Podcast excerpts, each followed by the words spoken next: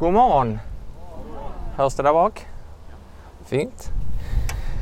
Eh, jag har skrivit trevligt att se så många här. Jag, jag är glad att se att vi är några stycken här i alla fall. Jättekul att ni ville komma. Säg mig, hur har ni kommit hit idag? Är det cykel? Buss? Bil? Spelar kanske inte stor roll. Eh, idag är det apostladagen som, och så här står det att läsa på Svenska kyrkans hemsida, firas till minne av apostlarna Petrus och Paulus som båda avrättades i Rom för sin kristna tros skull. Fördelen, eh, å andra sidan med en lekmannapredikan som detta är, utgår jag ifrån i alla fall, är att man är fri, eller åtminstone något friare, att välja ämne. Och även om jag har för avsikt att anknyta till dagens tema som enligt kyrkoårets andra årgång är Sänd mig så kommer jag prata om ett annat högaktuellt ämne som ligger mig globalt varmt om hjärtat. Klimatet och vad jag och vi som församling och kristna kan göra. I första Mosebok 1.26 står det Gud sade vi ska göra människor som är vår avbild, lika oss. Det ska härska över havets fiskar, himlens fåglar, boskapen, alla vilda djur och alla kräldjur som finns på jorden. Gud skapade människan till sin avbild, skapade han henne. Som man och kvinna skapade han dem. Gud välsignade dem och sade till dem, var fruktsamma och föröka er. Uppfyll jorden och lägg den under er.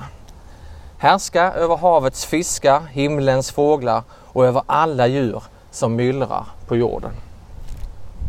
Människan alltså. Av Gud utsedd att härska över skapelsen, över djuren, över naturen. Vi ska uppfylla jorden och lägga den under oss. Stefan Gustafsson skriver i en ledare i Världen idag den 23 i 3 2019 så här. I grunden finns den kristna synen på människan. Vi är en del av naturen. Vi har ansvar för naturen. Men vi står också över naturen. Vi är skapade till Guds avbild och har fått uppdraget att härska över skapelsen. Det ger inget frikort att behandla naturen hur som helst. Inget frikort alltså.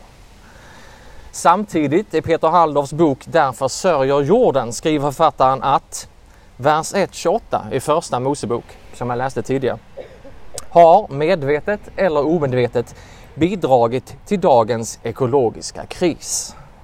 Att vi, med uppfattning att mänskligheten har företräde framför den övriga skapelsen och med Bibeln i hand själva gett oss mandat att krama ur jorden för egen vinst och välfärd. Ett av Gud givet uppdrag som gick snett och resulterade i att vi, stick i stäv med ursprungstanken, såg till oss själva och en maxad vinst. Men låt oss lämna Moseboken för en kort stund. Eh, jag läste, läste ni att, att, i HD så var det visst eh, ålutsläpp i Arild häromdagen? Kanske någon var där? Nej. Eh, alltså inte kosläpp utan ålutsläpp. 30 000 ålar rakt ut i havet i Skälderviken. Fantastiskt. Och på tal om ålar, jag har precis avslutat en bok, fin övergång här, eh, Ålevangeliet eh, av Patrik Svensson. En eh, fascinerande bok, en berörande berättelse på flera plan om ålen naturligtvis och hela mystiken kring ålen och alla dess metamorfoser och vandringen eller simturen kanske från och tillbaka till Sargassohavet och hela dess existens eller rättare sagt dess hotade existens. Men inte bara ålens existens. I boken står det att läsa så här några få gånger i det jordliga livets mer än 3 miljarder år långa historia har det förvisso skett så stora och drastiska förändringar att man kan tala om att jorden genomgått en slags metamorfos. Att själva sammansättningen av livet på jorden förändrats. Fem gånger har dessa förändringar varit så omfattande att de har fått bilda en egen kategori. Dessa fem perioder brukar kallas för de stora massutdöendena. Under dessa metamorfoser så dör arter ut, Växter kommer och går, djur kommer och går. Men tidsperioderna är normalt sett så långa och utdragna att det i grunden inte stör naturens ordning. Ändå talar många forskare om att det vi upplever just nu inte är något livets gilla gång utan i själva verket det sjätte massutdöendet. I sin bok med samma namn sammanfattar Elizabeth Colbert det så här. Runt en tredjedel av världens koralldjur hotas idag av utrotning. En tredjedel av hajarterna. En fjärdedel av däggdjuren. En femtedel av reptilerna. En sjättedel av alla fåglar. Och hon fortsätter. Massutdöendet kanske inte kommer att bli lika omfattande som de tidigare fem stora. Men hotet likväl är så stort och så hastigt accelererande att det faktiskt är möjligt. Om utvecklingen fortsätter talar mycket för att antalet arter på jorden kan ha halverats om bara 100 år. 100 år. Detta ska jämföras med de tidigare skedena som pågått under miljontals år. 100 år, miljoner år. Men det som verkligen gör det pågående massutdöendet så unikt är att det för första gången i livets historia faktiskt finns en levande förövare. Den skyldige, läser jag vidare i ålevangeliet, är inte en himlakropp, inte en kontinentaldrift eller ett vulkanutbrott, utan en varelse. En enda av alla de arter som bebor planeten har tagit herraväldet över den. Och som följd orsakat en massiv förstörelse för andra arters livsmiljöer. Den har lyckats inte bara förändra jordens yta utan också dess atmosfär.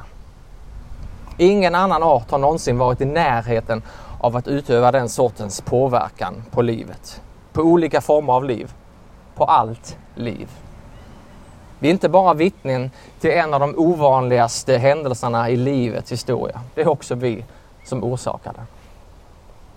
Vi, människan, av Gud utsedd att härska över skapelsen, över djuren, över naturen. Det är en ganska dyster läsning av framtid vi går till mötes. Men det är heller inte någon nyhet eller någon överraskning. Det går mot extrema väder. Varmare somrar, regnigare skyfall, tromber, orkaner, översvämningar och årstider som försvinner. Senast idag i dagens HD läste jag om bränderna i Frankrike och Storbritannien och folk måste fly. Det vankas nya sjukdomar av parasiter, till exempel tigermyggan och alla de 20 olika virussjukdomar som den bär på, bland annat nilfebern. Vandrar norrut och likväl rekordlånga köer på Arlanda flygplats. Trots alla varningar från forskare och Världshälsoorganisationen står vi och gör mest ingenting. Vi visste, vi hade all data, vi hade alla bevis, vi såg vart det barkade men gjorde ingenting för att, ja, varför? I ledaren i Helsingborgs Dagblad den 10 juli stod det att läsa att klimatkrisen måste mötas med höga ambitioner, modiga visioner och framförallt långsiktighet. Tvärt det som präglar mycket av politiken och debatten idag. Det vi inte uppoffrar idag måste någon, kanske vi själva, offra i en snar framtid. Till exempel ta frågan om eh, kärnkraften och naturgasens status. Där EU-parlamentet nyligen beslutade att båda kan klassas som hållbara energislag. Och läste jag på dn.se därmed kunna locka till sig pengar från stora pensionsfonder och annat privat kapital. Det som kallas taxonomin. Fossilgas och kärnkraftverk som hållbara energislag blir det nya normala. Fint. Då kan vi med gott samvete köra på precis som tidigare. Eh, och faktum är att det är inte bara det att vi inte gör någonting utan vi mörkar för oss själva denna obekväma sanning. Media visar oss bilden av lekande barn i fontäner, parasoller på sandstränder, roddare på Themsen som kanske får smörja ryggen lite extra. Det var i gårdagens tidning. När budskapet egentligen handlar om torka, brandhärjade skogar och folk som dör. Och det är den bilden som blir det nya normala. Man pratar om någonting som heter shifting baseline den smygande normaliteten. Vi vänjer oss vid detta nya normala och gör därför ingenting åt saken. Vår kortsiktighet gör att vi inte ser eller bryr oss om de långsiktiga effekterna. Det är här och nu som gäller. Nu som jag behöver köpa den där prylen eller det där plagget. Nu som jag vill göra den där resan. Att djuren försvinner, att landskapet förändras och att haven dör, det, det blir det nya normala. Det accepterade normala. Man dyker vid Stora barriärrevet och tycker att det aldrig varit mer fantastiskt. Omedveten, eller medveten, om att de färgrika korallerna samtidigt bleks och svälter ihjäl på grund av återkommande värmeböljor och höga vattentemperaturer. Men vad kan då lilla jag göra? Vad kan vi göra? Det lilla jag gör det är ju det är betydelselöst om jag sopsorterar eller inte. Det hjälper ju ingen. Flygplanen, de flyger ju även om jag tar tåget. Gud har ju dessutom allt i sin hand. Vi kommer få en ny himmel, en ny jord. Eller den här. Jag har inte satt några barn till världen så då kan jag klimatkompensera. Fast tvärtom. Eftersom jag har sparat ihop till lite utsläpp. Har jag hört en vän slash kollega säga. Eh, om vi ska ta det här ändå, barn, det är ändå en intressant poäng. För år 2017 så publicerade klimatforskaren Kimberly Nicholas och hennes kollega Seth Wines en rapport vid Lunds universitet. Och studien visade att om du byter ut plastpåsen mot tygpåsen, ja, då kapar det cirka 11 kilo koldioxid från ditt koldioxidavtryck eh, om året. Slutar du äta kött så kapar det ännu mer, runt ett ton. Men varje barn du inte skapar kapar ditt koldioxidavtryck med 65 ton om året. Denna rapport har fått många, framförallt unga, att väga in klimathotet som en faktor i familjeplaneringen. En australiensisk undersökning visade att en tredjedel av 6 500 tillfrågade kvinnor övervägde att inte skaffa barn av klimatskäl. I Storbritannien bildades rörelsen Birth Strike där de flesta av rörelsens medlemmar själva valt att inte skaffa barn till dess att planetens framtid blivit ljusare. Eh, det finns en man som heter Bastien Giraud, hållbarhetsforskare vid schweiziska federala tekniska institutet i Zürich. Han å andra sidan menar att även om planeten skulle må bättre så skulle vårt samhälle i slutändan kollapsa om alla slutade skaffa barn. Som är den andra sidan av myntet. Eh, och tittar vi på Bibeln säger tillbaks till Moseboken igen. För 1.28 så säger Gud Var fruktsamma. Föröka er, uppfyll jorden och lägg den under er. Så spelar det någon roll vad jag gör? Peter Halldorf och Magnus Malm formulerade så här i en gemensam debattartikel. Det kristna livet mäts inte i resultat utan i trohet. Är det inte redan för sent att vända utvecklingen? Frågar många uppgivet. Här skiljer sig det kristna lärjungaskapet från en sekulär världsbild. Vi tror på en större värld än den synliga. Våra handlingar drivs djupast inte av vilka synliga resultat vi kan uppnå utan av trohet mot Kristus. Därför är det möjligt att välja och hoppas även när läget känns hopplöst. Men mina vänner, allt är inte kolsvart, även om jag kanske har fått det att framstå som det. Vi har börjat agera. Som individer men också som stora företag och hela länder. Och där finns mycket som skett och som sker. Ta Northvolt, batteritillverkaren som inom loppet av fem år ska bygga Europas största och världens mest miljövänliga batterifabrik. Vilket i sig är en förutsättning för ett fossilfritt Europa. Eller ståltillverkaren SSAB som tar ledning för att minska stålindustrins koldioxidavtryck. Ta Danmark som satt upp som mål att alla resenärer ska kunna välja miljövänligt inrikesflyg 2030. Blir det svårt? Säkert. Men ambitionen finns där. Och med det stoltheten att lyckas, att bli först. Och jag tror personligen och hoppas att sånt triggar andra länder, andra företag. Att det blir en positiv tävling att vara först med klimatsmarta resor, produkter och så vidare. Och på tal om resor. Känner ni till 15 minutersstaden? Någon? Ja? Bra.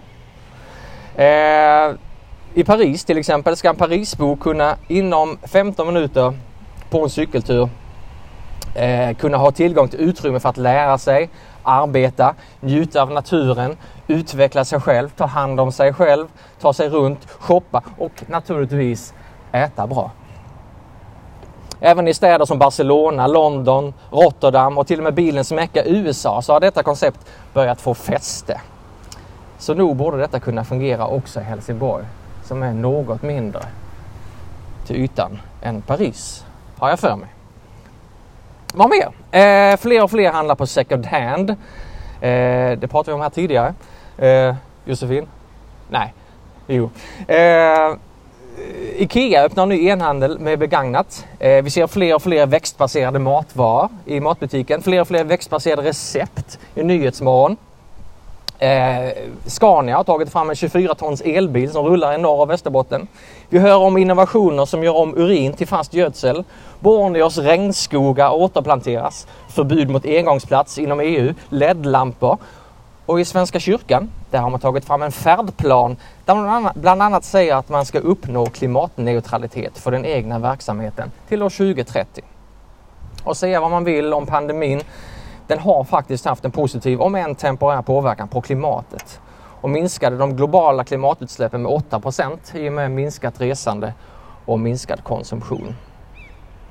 Och tänk på hur klimatet har uppmärksammats och uppmärksammas nu på ett helt annat sätt i media. Senast då i gårdagens tidning. Det är ledare, det är artiklar, det är krönikor. Det är inte längre bara en liten notis i B-delen. Det finns många fler ljuspunkter men jag håller där. Så. Vi vet om vad som händer. Jag antar att vi alla inser och att vi vill att vi gör någonting åt det, men kanske inte på vår bekostnad. Jag bara bara se på mig själv. Vi i min familj, vi flög hela familjen till Nya Zeeland för två år sedan. Jag äter kött och nu har jag köpt en motorcykel som går på bensin. Men det har börjat skava. Mer och mer. Det stoppar mig inte helt uppenbarligen, men det skaver. Och det har i sin tur fått mig att börja göra andra val. Inte alltid, kanske bara små saker, men oftare. Whatever is worth doing is worth doing poorly. Egentligen från ett helt annat sammanhang, men det går att applicera även här. På tal om det vi sa tidigare, att det lilla jag gör är betydelselöst. Det är det inte. Alla kan inte göra allt, men alla kan göra något. Lite grann som när jag blev vegan. Jag är inte vegan, eh, men jag försöker. Eller det fick mig i alla fall att börja köpa mer växtbaserad mat. Havremjölk till kaffet, havremjölk till gröten, vanlig mjölk till flingorna. Ni ser, jag försöker eh, inte förhäva mig själv på något vis. Men jag försöker å andra sidan också dra mitt strå till stacken. Whatever is worth doing is worth doing poorly. Jag försöker vara en förebild och utan att vara ironisk, det kan vara svårt, att utmana människorna i min närhet och ödmjukt utmana deras livsval utan att för den sakens skull sätta mig på någon piedestal. En inte helt lätt balansgång. Men jag vill tro att jag påverkar vänner, kollegor, inte minst chefen faktiskt, vet var jag står och vad jag tycker och de är rättmätigen så inte sena att påpeka när jag själv tagit ett klimatosmart snedsteg. Men inte sällan så kommer de fram till mig och säger att man har gjort si eller så. Man köpte en sån istället för en sån. Man åkte dit istället för dit. Och berättar lite grann för mig, bekänner att de också vill. Det finns en ambition där. Så jo, det spelar en roll vad vi gör. Och jag skulle bara flika in och tipsa om en webbsida som heter climatehero.se. Skriver ni ner det allihopa? Eh, det är ett självminuters, fem minuters självtest där man dels kan se sitt klimatavtryck men även få tips, på saker man kan göra för att banta sitt sagda klimatavtryck. Så prova gärna senare idag eller under fikat här eller när ni kommer hem. climatehero.se Johan Garde, präst Eh, i Svenska kyrkan skriver på kyrkans hemsida om tankar inför helgen att på söndag firar kyrkan apostladagen som bär temat Sänd mig. Ett tema som är menat att påminna oss om att Gud har förtroende för oss. Gud lägger sin plan för världen i våra händer och ger oss den att förvalta. Igen. Gud lägger sin plan för världen i våra händer och ger oss den att förvalta. Jag tror i och för sig att Johan syftar på planen för världen som Gud lägger i våra händer och som vi får i uppdrag att förvalta. Man, eller jag, skulle också tolka det som att det är världen Gud vill att vi ska förvalta. Och det börjar med mig. Min önskan, min förhoppning är att jag som kristen och vi som församling och vi som kyrka ska få vara goda förebilder och sändebud i vårt förvaltarskap av djuren och naturen. I Jesaja 8 står det Och jag hörde Herrens röst. Han sade Vem ska jag sända? Vem vill vara vår budbärare? Jag svarade Jag. Sänd mig. Amen.